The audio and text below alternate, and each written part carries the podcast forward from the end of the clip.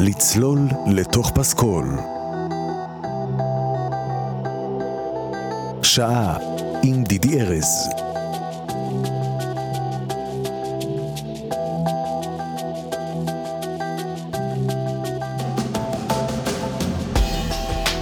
אהלן, ברוכים השבים לצלול לתוך פסקול, כרגיל יום שני בצהריים, פה ברדיו מהות החיים.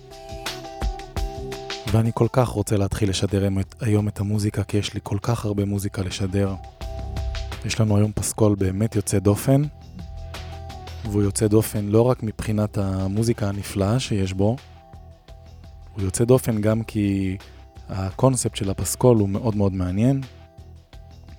היום אנחנו שומעים את פסקול הסרט אה, כוח המשיכה, שנקרא באנגלית גרביטי. סרט אה, מאוד מאוד מעניין, זכה בהמון המון פרסים, נדבר על הכל בהמשך.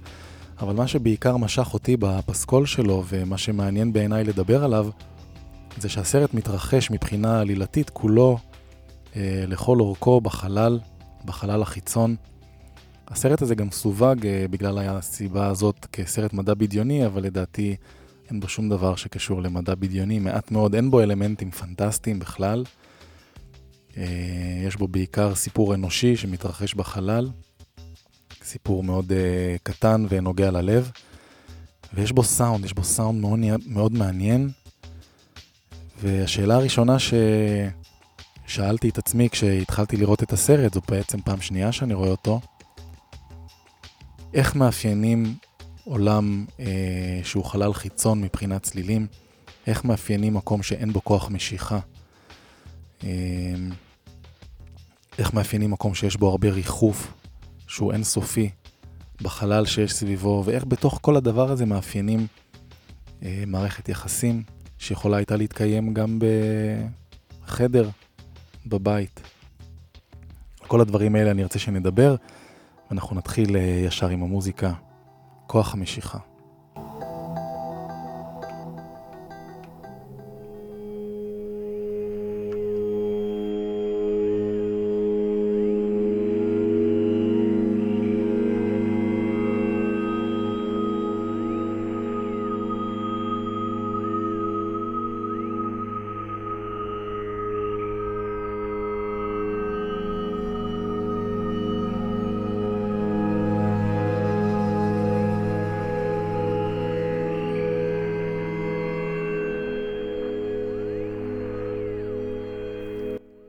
שוט הפתיחה של הסרט, שהוא באמת משהו שנצרב בזיכרון ובאמת הופך את כל חוויית הצפייה בסרט למה שהיא, הוא מאוד מאוד ארוך, 17 דקות.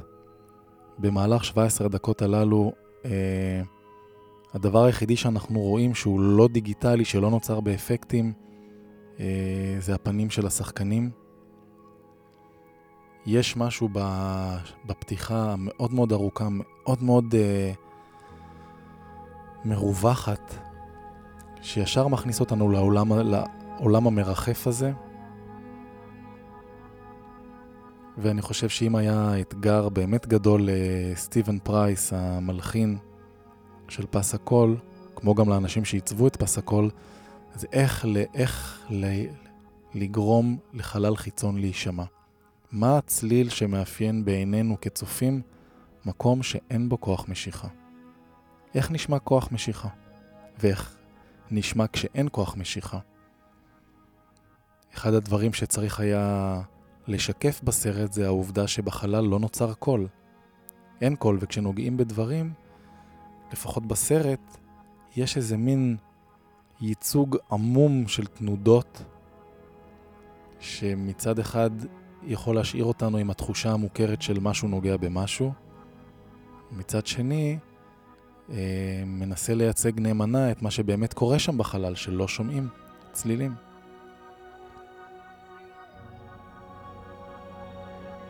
ומה שאנחנו שומעים עכשיו זה טרק שנקרא Don't Let Go של סטיבן פרייס, באורך של כ-11 דקות. בואו נקשיב לו.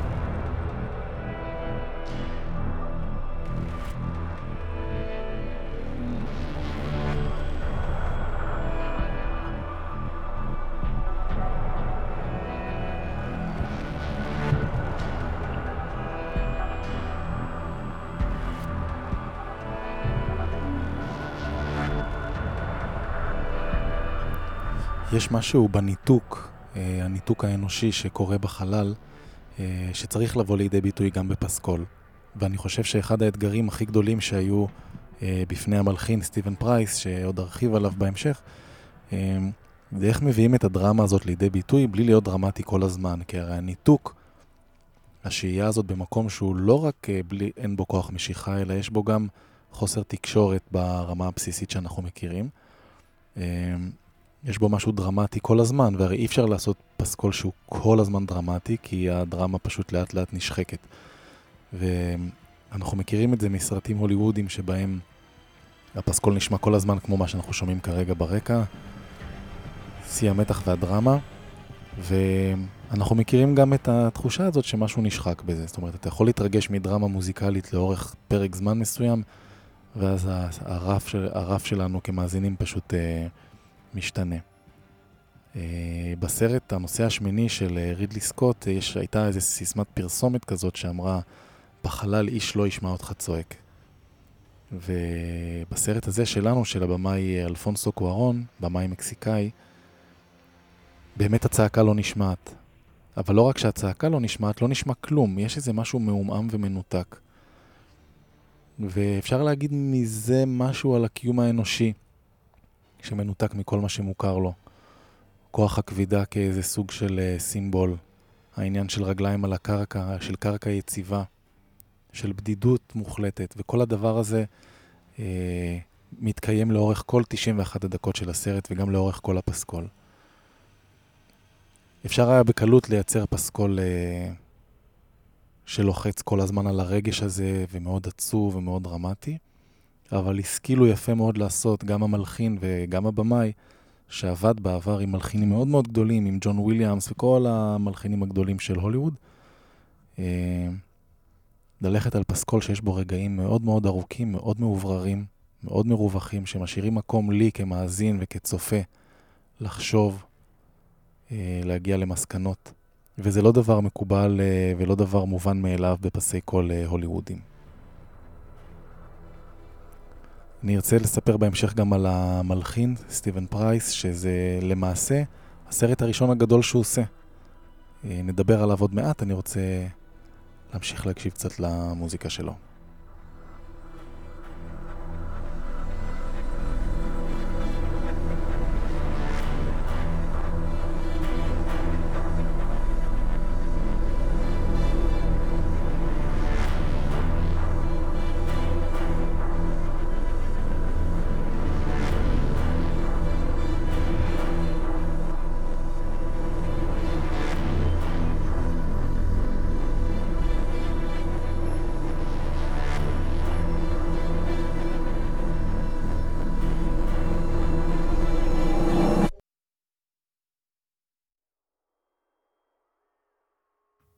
אנחנו מנהלים פה שיחות במהלך אה, ההקשבה לפסקול, ואחד הדברים שדיברנו עליו פה זה התחושה המאוד עוצמתית הזו שמגיעה אה, בפסקול, של צלילים שמגיעים כמו שרואים מרחוק, משהו מגיע בחלל הפתוח האינסופי, פתאום מגיע איזה גוף, עובר לידך בטיסה ומשאיר אותך המום לרגע, ואז נותר איזה שובל, ואחריו שוב השקט הזה שמגיע בדיוק כמו עכשיו.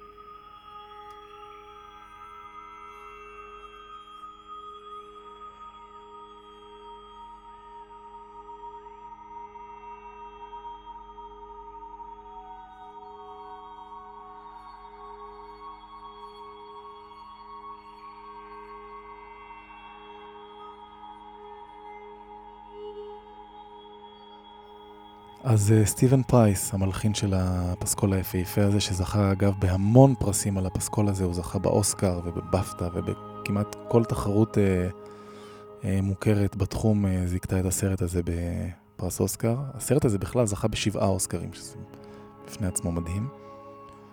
סטיבן פרייס לא הגיע כמלחין לסרט הזה, למעשה הוא... עיקר הקריירה שלו לפני הסרט הזה הייתה בכלל כאיש סאונד. אה, שעסק בעריכות סאונד ובעיצוב סאונד לסרטים. אני חושב שאולי הוא הלחין סרט אחד, אני קראתי עליו, אה, משמעותי לפני הסרט הזה, וגם לסרט הזה הוא לא הוזמן כמלחין. הוא הוזמן לעזור במלאכה אה, המאוד מורכבת של לייצר סאונד דיזיין של חלל. היה ברור לכל מי שהיה מעורב בהפקה הזאת שצריכה לעשות פה עבודה מאוד מאוד uh, מתוחכמת בלייצר uh, סאונד של חלל ובכלל להעביר סיפור שלם של 91 דקות בלי הצלילים המוכרים לנו בסרט. אנחנו רגילים לשמוע מכוניות ואנשים ושיחות ואוטובוס עובר ומטוס נוחת והולכים על הים ומדברים ושומעים את הגלים ונסו רגע להעביר במחשבה שלכם את כל הצלילים שמאפיינים סרט שאתם רואים. כשזוג יושב ומדבר בבית קפה, איזה עולם עשיר של צלילים מתקיים סביב הזוג הזה שיושב בבית קפה, אנשים שמדברים, כוסות קפה, מלצרים, בקבוקי מים, בקבוקים נפתחים, נמזגים, אוכל, כל הדברים האלה לא קיימים בסרט הזה. וזה אתגר עצום ל- לייצר עולם שלם כזה, שגם באמת יכול להחזיק מתח במשך uh, 90 דקות. וסטיבן פרייס uh, הוזמן לסרט הזה כמעצב פסקול, אחד מכמה, והוא פשוט נשאר שם, והמשיך, והמשיך, והמשיך לתרום את הדעה שלו uh, ואת המחשבות שלו על הפסקול. ובאיזשהו שלב, ה... אנשי ההפקה והבמה החליטו שהוא, הבחור הצעיר הזה, בלי שום ניסיון משמעותי בהלחנה למה שנקרא בלוקבאסטר, וכבר היה ברור שהסרט הזה הולך להיות בלוקבאסטר, אמ, איך הוא הולך לקחת על עצמו את התפקיד המאוד מאוד חשוב הזה של מוזיקה בסרט הזה. בטח uh, בהתחשב בעובדה שזה במאי שעבד עם המלחינים הכי גדולים של הוליווד, והיו לו זמינים מן הסתם uh, אנשים מנוסים יותר, ובעלי uh, נפח עשייה הרבה יותר מרשים. ומה שאותי יותר מרשים מכל ב... בבחירה של סטיבן פרייס ובעבודה שהוא עשה, זה המינימליזם הזה. שהוא מבטא בעיניי איזה ביטחון עצמי. לבוא ולהגיד, אני לא בא להרשים ביכולות שלי כמלחין כדי להרשים את הקהל, או להרשים את חברות ההפקה, או להראות כמה אני מוזיקאי גאון, אלא אני באמת בא לתרום לסרט פסקול שישרת אותו.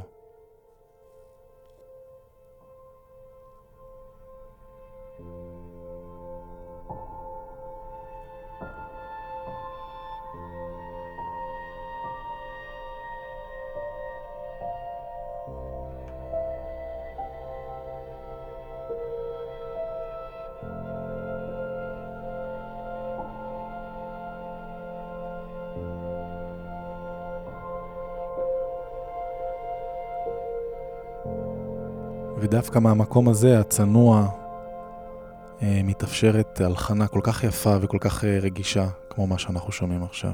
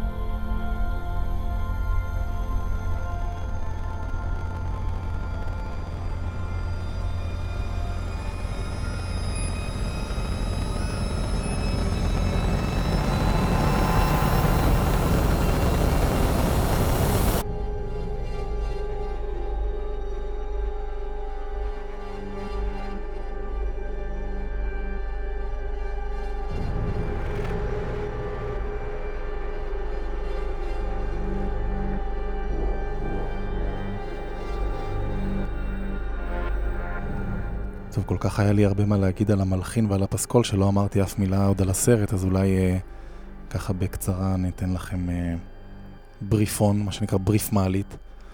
אה, אז הסרט גרביטי, כוח המשיכה, נקרא לזה דרמה, למרות שכפי שאמרתי לכם מקודם הוא מסווג כסרט מדע בדיוני, אבל הוא לא כזה לפחות בעיניי. ומרבית הסרט כמעט כולו מתרחש בחלל החיצון. אה, הסרט בוים על ידי אלפונסו קוארון, המקסיקני שגם כתב את התסריט עם הבן שלו. ובסרט אה, מככבים אה, שני שחקנים מאוד מאוד גדולים בהוליווד, ג'ורג' קלוני וסנדרה בולוק. היו המון ניסיונות שם ללהק את סקרלט ג'ונסון ואנג'לינה ג'ולי, והסרט, ההפקה שלו התארכה המון המון גם בגלל ענייני הליהוק. כי בסופו של דבר באמת רוב הסרט הוא באמת בין השניים האלה, ומתמקד בפנים שלהם, בתקשורת שלהם. הסרט הזה זה הוא. והם משחקים אה, שני אסטרונאוטים שניצלים ממעבורת חלל שנפגעה, והם מנסים למצוא איכשהו את דרכם בחזרה לכדור הארץ.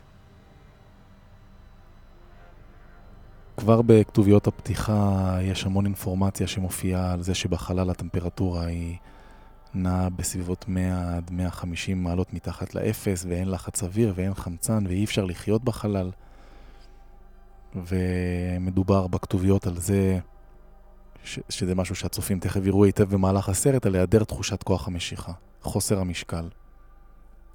למרות uh, שהיו המון uh, ענייני ליהוק והמון uh, ענייני הפקה וזכויות יוצרים סביב הסרט הזה, uh, הסרט בסופו של דבר הצליח לצאת... Uh, מאוד מאוד לשביעות רצונם של כל האנשים שהיו מעורבים בו, הוא זכה לאהדת קהל מאוד מאוד גדולה וזכה כאמור לא סתם בשבעה פרסי אוסקר, אלא באמת בפרסים הכי חשובים, שזה אה, הבמאי הטוב ביותר,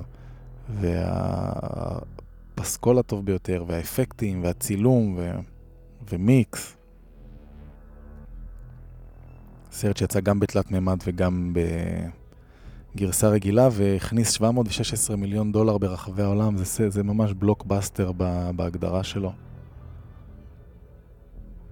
אז יש לנו את אה, ג'ורג' קלוני שמשחק את אה, מפקד מעבורת החלל, אקספלורר, שנשלחה לתקן איזה טלסקופ חלל, ואת סנדרה בולוק שמשחקת את אה, דוקטור ריין סטון, היא מומחית משימה, והם שוהים בחלל באיזו משימת תיקון.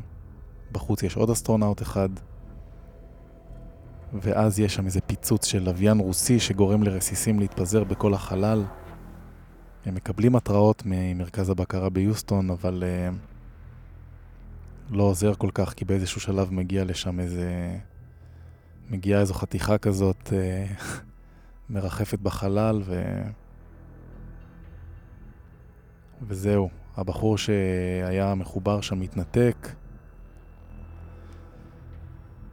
והנה הם נשארים שניהם לבד בחלל, רוצים לחזור לארץ.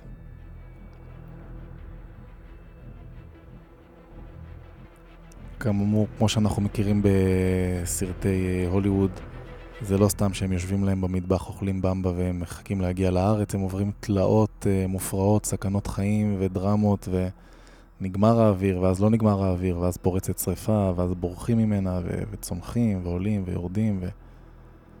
הקשר עם יוסטון מתנתק, והקשר עם יוסטון חוזר. ובתוך כל הדבר הזה מתקיימת מערכת יחסים מאוד מאוד מרגשת בין שני השחקנים האלה. שיש בה את כל הדרמות האנושיות שאנחנו מכירים מיחסים אה, גם על כדור הארץ, של נדיבות, של אה, הקרבה. והדרמה הזו רק מתעצמת על רקע הבדידות שלהם, גם הבדידות אחד בלי השני וגם הבדידות שלהם שהם רחוקים מכל דבר שהם מכירים בעולם.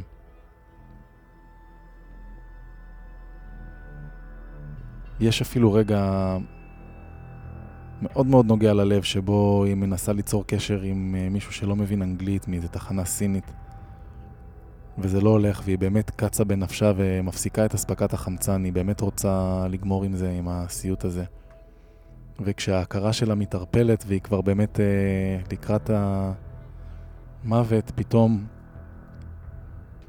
קובלסקי נכנס לחללי, ג'ורג' קלוני, הוא נכנס פנימה אופטימי ומשכנע אותה שהיא צריכה להמשיך לחיות ושהכול בסדר, וכשהיא מתעוררת, אה, היא מבינה שבעצם זאת הייתה הזיה, הוא לא באמת היה שם.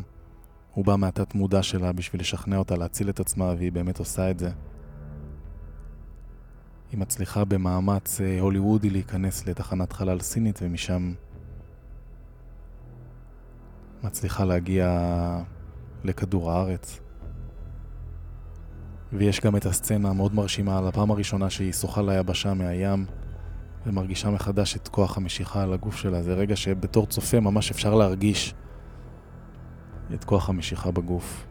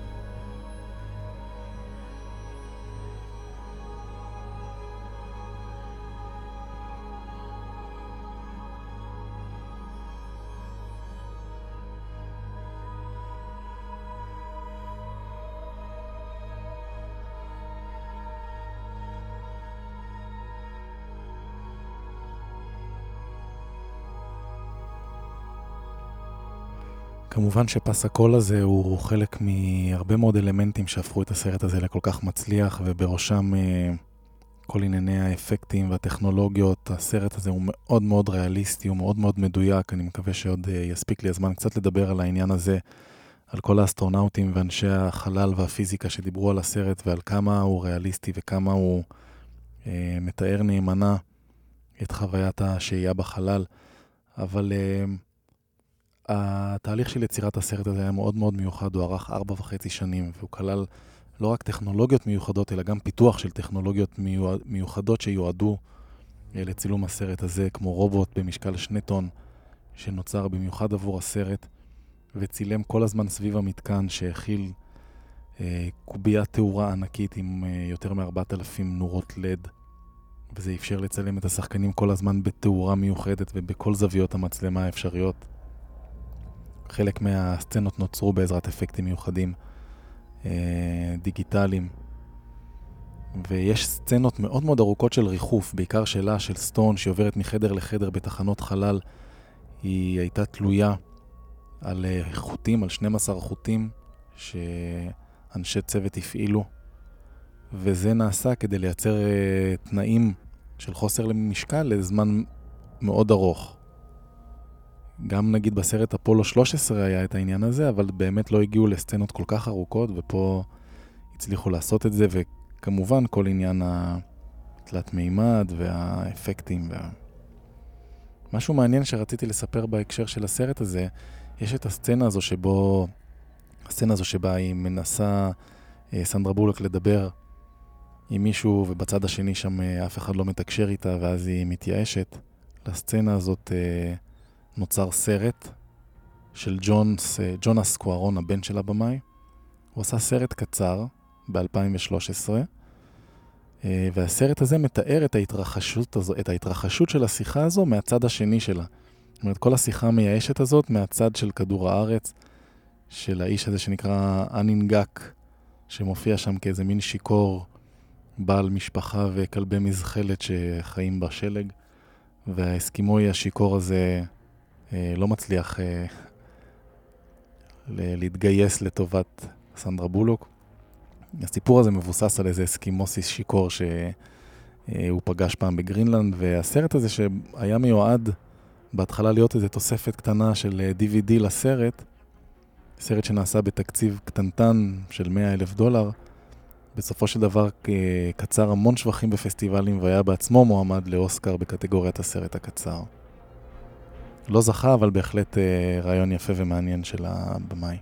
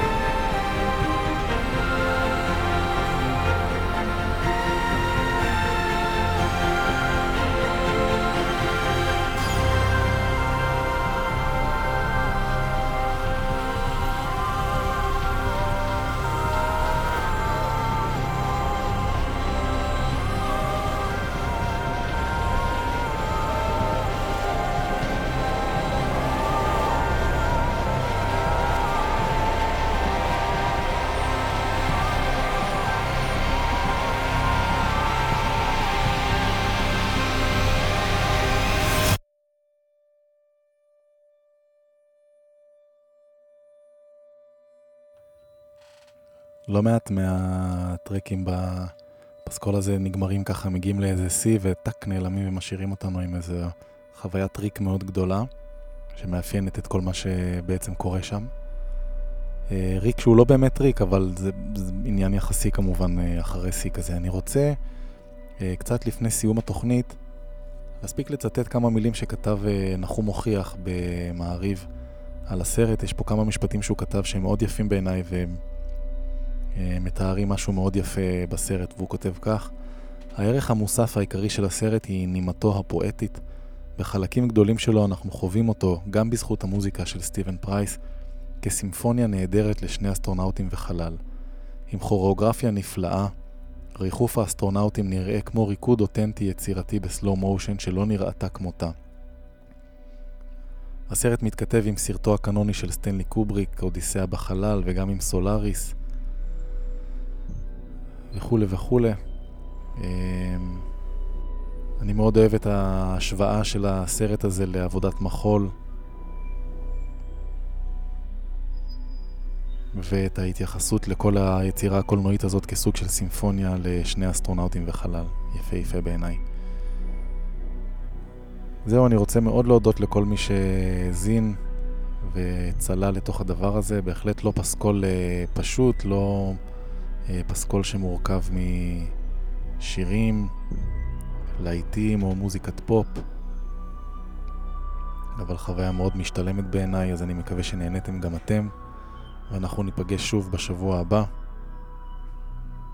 עם פסקול אחר. בינתיים אני מאחל לכם אה, המשך שבוע נהדר ונעים.